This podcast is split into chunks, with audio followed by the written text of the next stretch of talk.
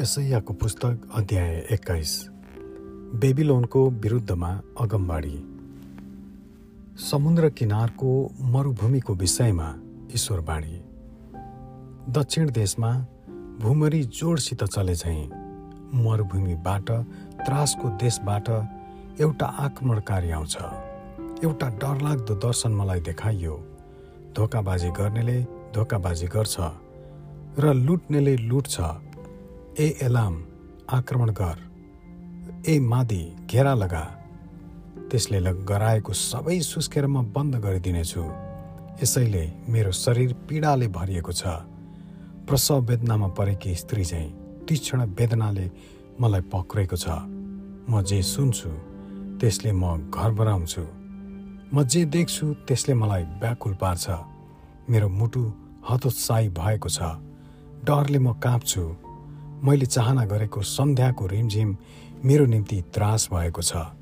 तिनीहरूले टेबल तयार गर्छन् गलैँचा बिछ्याउँछन् खान्छन् र पिउँछन्। हे अधिकृतहरू हो उठ ढालमा तेल लगाऊ परमप्रभु मलाई यसो भन्नुहुन्छ जा पहरादार राख। त्यसले के देख्छ त्यो बताओस्। जब त्यसले घोडाको टोली भएका रथहरू र गधा र उठका सवारहरू देख्छ तब त्यो चनाखो पूर्ण चनाखो होस्। त्यो पहरादार यसो भनेर करायो हे प्रभु म दिनहुँ पहरा बस्ने धरहरामा उभिरहन्छु र प्रत्येक रातमा म पहरा चौकीमा बस्छु। हेर्नुहोस् घोडाको टोली भएको रथमा एकजना मानिस आउँदैछ अनि त्यसले जवाफ दिएर भन्छ बेबिलोनको पतन भयो पतन भयो। र त्यसका कुदेर बनाएका देवताका सबै मूर्तिहरू चकनाचुर पारिएर जमिनमा पडिरहेका छन्। ए मेरो प्रजा दाई गर्ने खलामा पेलिएकाहरू सर्वशक्तिमान परमप्रभु इजरायलका परमेश्वरबाट मैले जे सुने त्यो म तिमीहरूलाई भन्छु।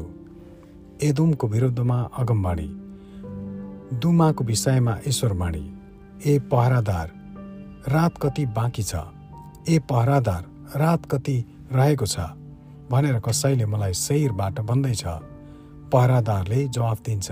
बिहान हुँदैछ र रात पनि पर्दैछ। तिम्रो केही सोध्नु छ भने सोध र फेरि फर्केर आऊ। अरब देशको विरुद्धमा अगमबाडी अरब देशको विषयमा ईश्वरबाणी। ए ददानीहरूका यात्री दल जो अरब देशका झाडीहरूमा बास गर्छौ तिर्खाएकाहरूका निम्ति पानी ल्याऊ तेमामा बस्नेहरूले शरणार्थीहरूका निम्ति खानेकुरा ल्याऊ तिनीहरू तरवारबाट नाङ्गो तरवारबाट नुहेका धनुबाट र घोर लडाइँबाट भाग्छन्। परमप्रभु मलाई यसो भन्नुहुन्छ एक वर्षभरिलाई ज्यालामा काम गर्ने नोकरले वर्ष गर्ने अनुसार एकै वर्षमा केदारको सबै सान अन्त हुनेछ। धनुर्धारीहरू केदारका योद्धाहरूमध्ये बाँचेकाहरू थोरै मात्र हुनेछन्। परमप्रभु इजरायलका परमेश्वरले त्यसै भन्नुभएको छ। आमेन।